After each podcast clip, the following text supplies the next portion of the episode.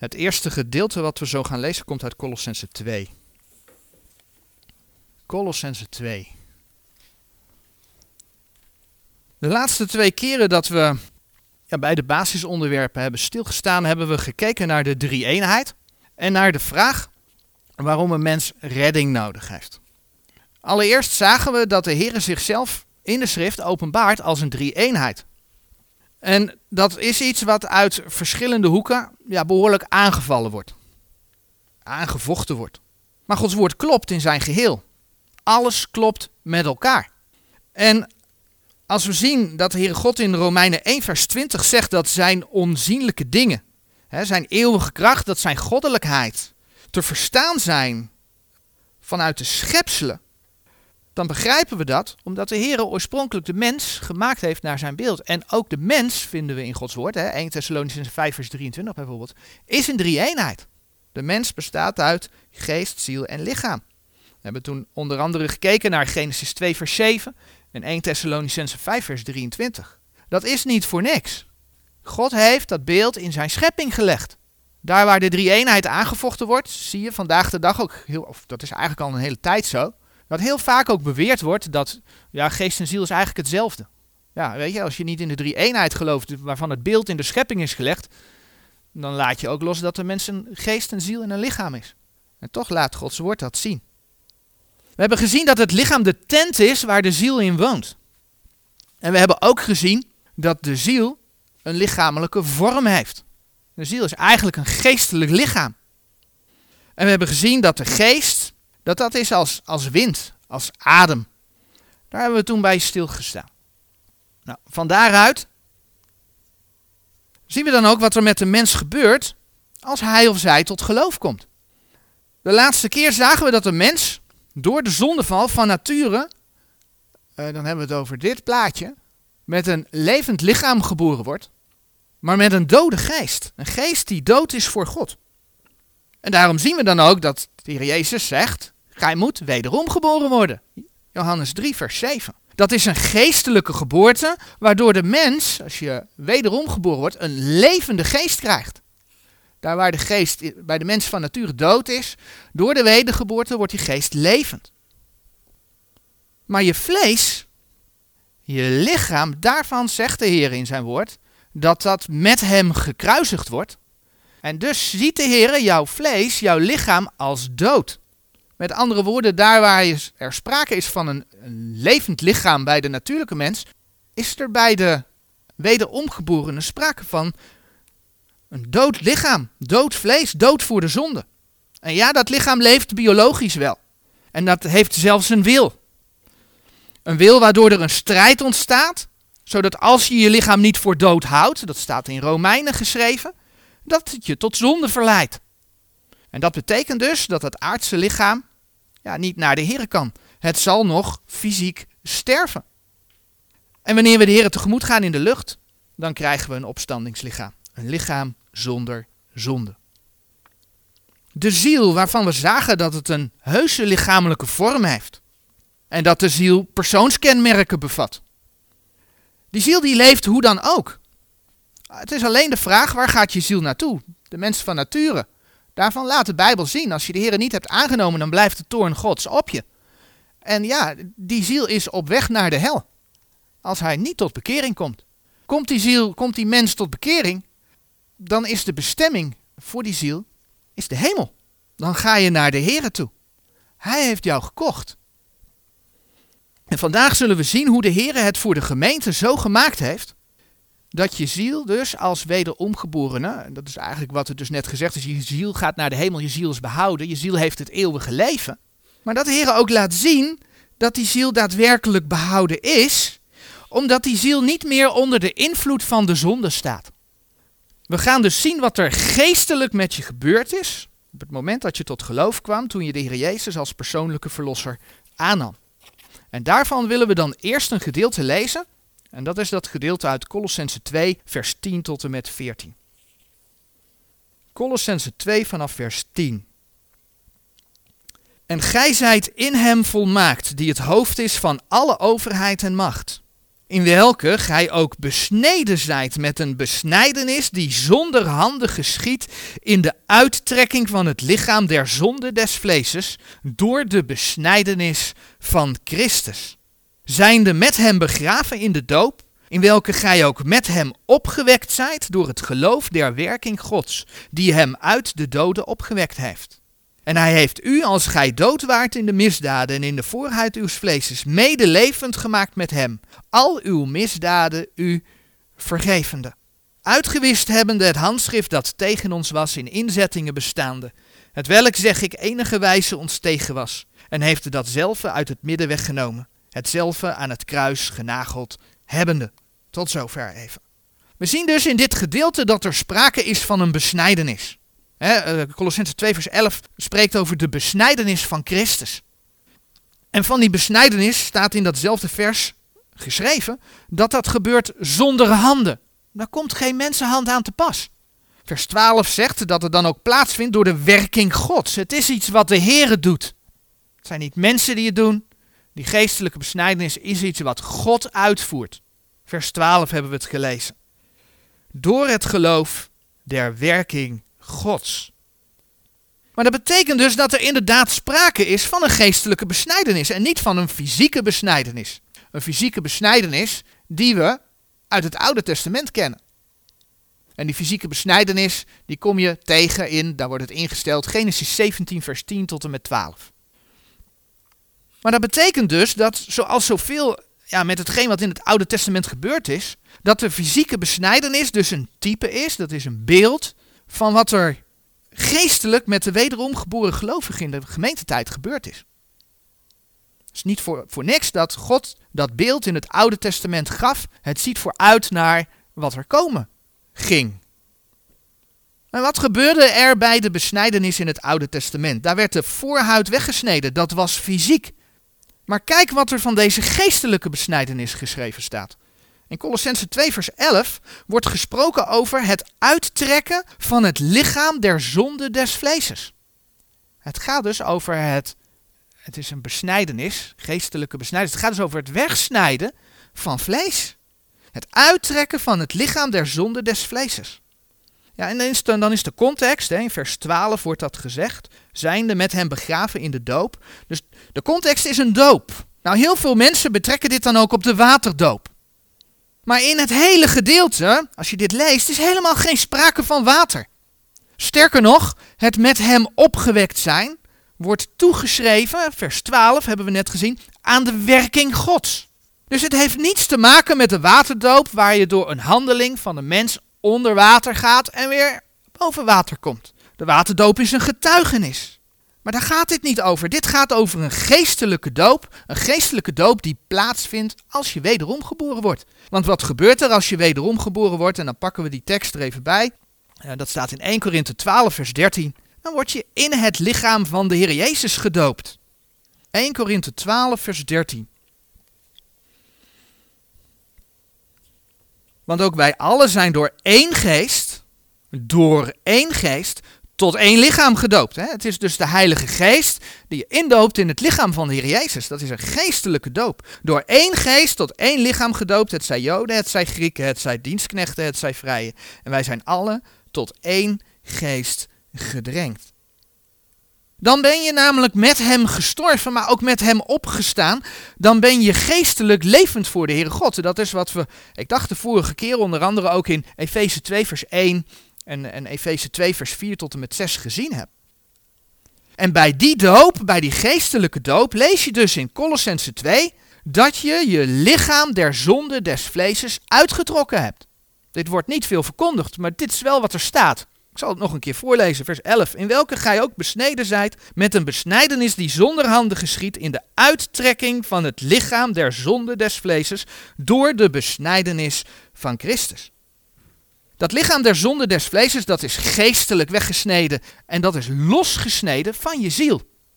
Nou, in Romeinen 7, daar hebben we ook pas bij stilgestaan, vers 18 en 20. Daar zegt Paulus dat de zonde in zijn vlees woont. En als je dan Romeinen 7, vers 23 en 24 daar ook bij bekijkt, dan zie je dat Paulus over zijn leden spreekt. De zonde die in zijn leden zijn. Dus die zonde woont in de leden, die zonde woont in zijn lichaam. En dan roept hij uit, wie zal mij verlossen uit het lichaam deze doods? Dus je lichaam, dat is dus je vlees. Je lichaam is dus je lichaam der zonde des vleeses. En die is losgesneden van de ziel. En als ik dan even naar de plaatjes verwijs om het een beetje te verduidelijken. Daarom is in het plaatje van de wederomgeborene ook een dikke lijn getekend tussen de ziel, die een lichamelijke vorm heeft en niet een cirkel, zoals dat heel vaak uitgebeeld wordt. Omdat men het vaak heeft over de ziel die een kern is van, enzovoort, enzovoort. Nee, de ziel heeft een lichamelijke vorm. En bij de wedergeboren is een dikke lijn getekend, omdat de ziel is losgesneden van het vlees. Het vlees is losgesneden van de ziel. Nu is er een verschil tussen het gebruik van het woordje ziel in het Oude Testament en voor de gemeente. En doordat men gewoonlijk alle teksten op een hoop gooit en daar één boodschap van maakt, hè, want mensen verdelen het woord vaak niet op een rechte manier, ziet men niet het verschil tussen het Oude Testament en de gemeente bijvoorbeeld. De geestelijke besnijdenis wordt dan ook weinig geleerd. Maar zoals gezegd, het is wel bijbels. Allereerst zien we dat het woordje ziel in het Oude Testament wel als synoniem gebruikt wordt voor leven, maar zelfs voor het lichaam. Dat zie je heel veel gebeuren in het Oude Testament. En dat is niet vreemd, want in het Oude Testament was er nog geen geestelijke besnijdenis. Nou, als jouw vlees van je ziel is losgesneden door de wedergeboorte, wat betekent dat? Dat betekent dat die twee aan elkaar vastzaten voor de wedergeboorte. In het Oude Testament was er geen wedergeboorte, dus ziel en vlees waren eigenlijk één. En dat is in de figuur van de natuurlijke mens weergegeven met een stippellijn. de mens heeft een ziel, de mens heeft een lichaam, maar ze staan met elkaar in verbinding. Het is eigenlijk, het is eigenlijk één met elkaar. Het is niet losgesneden. Daarom staat er een stippellijn. Maar daarnaast zijn er diverse teksten in het Oude Testament die ook laten zien dat ook in het Oude Testament de ziel wel degelijk ook meer was dan het lichaam. Je kunt dan onder andere kijken naar Genesis. Ze staan op de dia. Genesis 35 vers 18, Job 14 vers 22 en Psalm 43 vers 5. Dus ook in het Oude Testament, ondanks dat het aan elkaar vastzat, dat het eigenlijk één was, was het wel degelijk nog twee verschillende dingen. Maar wat je in het Oude Testament heel vaak ziet, is dat er, wanneer de mens zondigde, gezegd wordt: de ziel heeft gezondigd. En dat de ziel de straf van de zonde draagt. En die teksten zijn wel belangrijk voor het geheel, dus die gaan we opzoeken. In nummer 5 vers 6, daar lezen we bijvoorbeeld het volgende. Nummer 5 vers 6. Spreek tot de kinderen Israëls wanneer een man of vrouw iets van enige menselijke zonde gedaan zullen hebben, overtredende hebbende door overtreding tegen de Heere. Zo is diezelfde ziel schuldig. En dan bladeren we door naar Ezekiel, Ezekiel 18 vers 4. En daar lezen we het volgende, Ezekiel 18 vers 4. Zie, alle zielen zijn mijne, gelijk de ziel des vaders, alzo ook de ziel des zoons zijn mijne. De ziel die zondigt, die zal sterven. Hier wordt over de ziel van de vader en de ziel van de zoon gesproken en de ziel die zondigt, die zal sterven. Waar het nu om gaat is dat het synoniem zo ver doorgaat dat inderdaad blijkt dat als de mens in het Oude Testament zondigde, dat het tevens voor zijn ziel God. God betrekt de zonde die de mens doet op de ziel van die mens. En dat komt dus omdat die ziel niet besneden is. Er heeft geen geestelijke besnijdenis plaatsgevonden. Dus daar waar met het lichaam gezondigd werd, heeft dat invloed op de ziel. Vandaar dus nogmaals die stippellijn bij de natuurlijke mens. De Heer Jezus was nog niet voor de zonde van de mensen gestorven. Mensen konden niet wederom geboren worden. Dus je ziet dan ook in het Oude Testament dat de redding van de mens niet alleen gebaseerd was op geloof, maar in het Oude Testament stonden werken centraal. Mensen moesten werken. Gehoorzaamheid aan de wet, offers speelden daar natuurlijk een rol in. Maar dat is anders als de gemeente. Maar na het kruis is die geestelijke besnijdenis er wel. En die geestelijke besnijdenis regelt dus dat we ons vlees geestelijk gezien uitgetrokken hebben Dat is Colossense 2, vers 11. Dat we ons vlees geestelijk gezien uitgetrokken hebben. En dat onze ziel niet meer in contact staat met de zonde, met het vlees, met de zonde die in het vlees woont. En de Heer zegt dan zelfs dat we als gelovigen verzegeld zijn tot de dag der verlossing. als we naar Efeze 4, vers 30 kijken. Dat is een geweldige zekerheid die we als kind van God binnen de gemeente van Jezus Christus mogen weten. Dat we verzegeld zijn tot de dag der verlossing, Efeze 4, vers 30. En bedroeft de Heilige Geest Gods niets, niets. Dus die opdracht hebben we wel. Maar het tweede deel staat wel, door welke gij verzegeld zijt tot de dag der verlossing. Als je wederom geboren bent, dan ben je verzegeld tot de dag der, der verlossing. Dat is een geweldige zekerheid die je als kind van God mag hebben. Zoals we zagen, is je lichaam dat deel dat zondigt. Maar juist dat lichaam is dus losgesneden van je ziel. De zonde heeft dus geen invloed meer op de ziel van de wederomgeborene. Dus die ziel van die wederomgeborene is per definitie behouden. Dat vind je dus terug in het feit dat de wederomgeborene verzegeld is tot de dag der verlossing. En daar heb je dan ook de reden, en dan bladeren we naar 2 Korinthe 5 vers 21. Dat je als, ja hoe zeg je dat? Als status zeg maar ook gewoon Gods rechtvaardigheid toegerekend krijgt door de Heer Jezus. 2 Korinther 5 vers 21, want dien die geen zonde gekend heeft, dat is de Heer Jezus, heeft hij zonde voor ons gemaakt. Hij heeft onze zonde op zich genomen, opdat wij zouden worden rechtvaardigheid Gods in hem. Dat is wat? Dat God wij, ons, wij die zondigen, zijn rechtvaardigheid gewoon geeft. Maar hoe kan dat als we toch nog zondigen? Want dat doen we in het vlees. Lees Romeinen 7 maar kan alleen maar omdat God ons geestelijk besneden heeft door de wedergeboorte. Zo heeft de Heer dat geregeld. Dat openbaart Hij in zijn woord. En dat bepaalt dus ook de zekerheid in het geloof die de wederomgeborene heeft. En niets of niemand kan dat behoud, dat eeuwige leven van je ziel meer afpakken. Niemand. Als je je leven persoonlijk aan de Heer Jezus gegeven hebt. Nou, zoals gezegd, dat lichaam is voor God dood. Toch leeft de nieuwe mens in dat lichaam, de oude mens. Waardoor dat, ja, dat lichaam de mens tot zonde kan verleiden. Dat heeft onder andere te maken met afwegingen die de mens in zijn hart maakt. Niet in zijn ziel, maar in zijn hart. Dat heeft te maken met strijd. Ook daarvoor, hè, lezen we in 1 Korinthe 9, vers 25 en 27, kunnen we een kroon verdienen. Een kroon verdienen voor de eeuwigheid als, als jij probeert je lichaam te bedwingen. Dat is 1 Korinthe 9 vers 25 tot en met 27. Daar gaan we nu niet uitgebreid op in.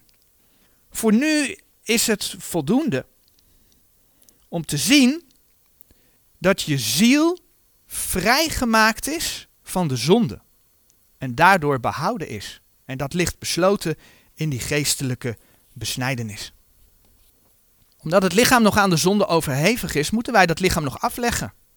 Ja, en hoe gaat dat? Of door de dood, doordat we overlijden. Of als de Heer zijn gemeente komt halen, wordt ons lichaam overkleed. Dan krijgen we een opstandingslichaam. En degenen die overleden zijn, zullen een opstaan en een opstandingslichaam krijgen. In beide gevallen krijgen we dat opstandingslichaam. En van dat opstandingslichaam staat dan onder andere in Filippenzen 3, vers 21 geschreven die ons vernederd lichaam veranderen zal. Ons lichaam is vernederd. In dat lichaam woont de zonde. En dat zal veranderd worden, opdat het zelf gelijkvormig worden aan zijn heerlijk lichaam. Naar de werking waardoor hij ook alle dingen zichzelf kan onderwerpen. We krijgen dus een lichaam zonder zonde. En misschien dat we dan ook andere Bijbelpassages ook gaan begrijpen. En dan bladeren we naar Johannes 8, vers 24. En daar zegt de Heer Jezus: Ik heb u dan gezegd dat gij in uw zonde zult sterven. Want indien gij niet gelooft dat ik die ben, gij zult in uw zonde sterven. Natuurlijk sprak de Heer Jezus dit nog voor zijn sterven en opstanding uit, dat weet ik. Maar in de oud-testamentische situatie, als mensen geen geloof, geen werken hadden, dan stierven zij in hun zonden. Dat zie je op verschillende plekken in de Bijbel ook terugkomen. Maar dat geldt ook nu. Ook nu, als de mensen de Heer Jezus niet aannemen, dan sterven zij alsnog in hun zonde. Zij zijn één met hun zonde. Er heeft geen geestelijke besnijdenis plaatsgevonden. Dus ze sterven in hun zonde. Gods toren blijft op hen, Johannes 3, vers 36. Maar wat geldt voor de wederomgeborenen? En een mooi voorbeeld daarvan vinden we in 1 Thessalonicense 4, vers 16. Die sterven in Christus. Het gaat over de opname van de gemeente.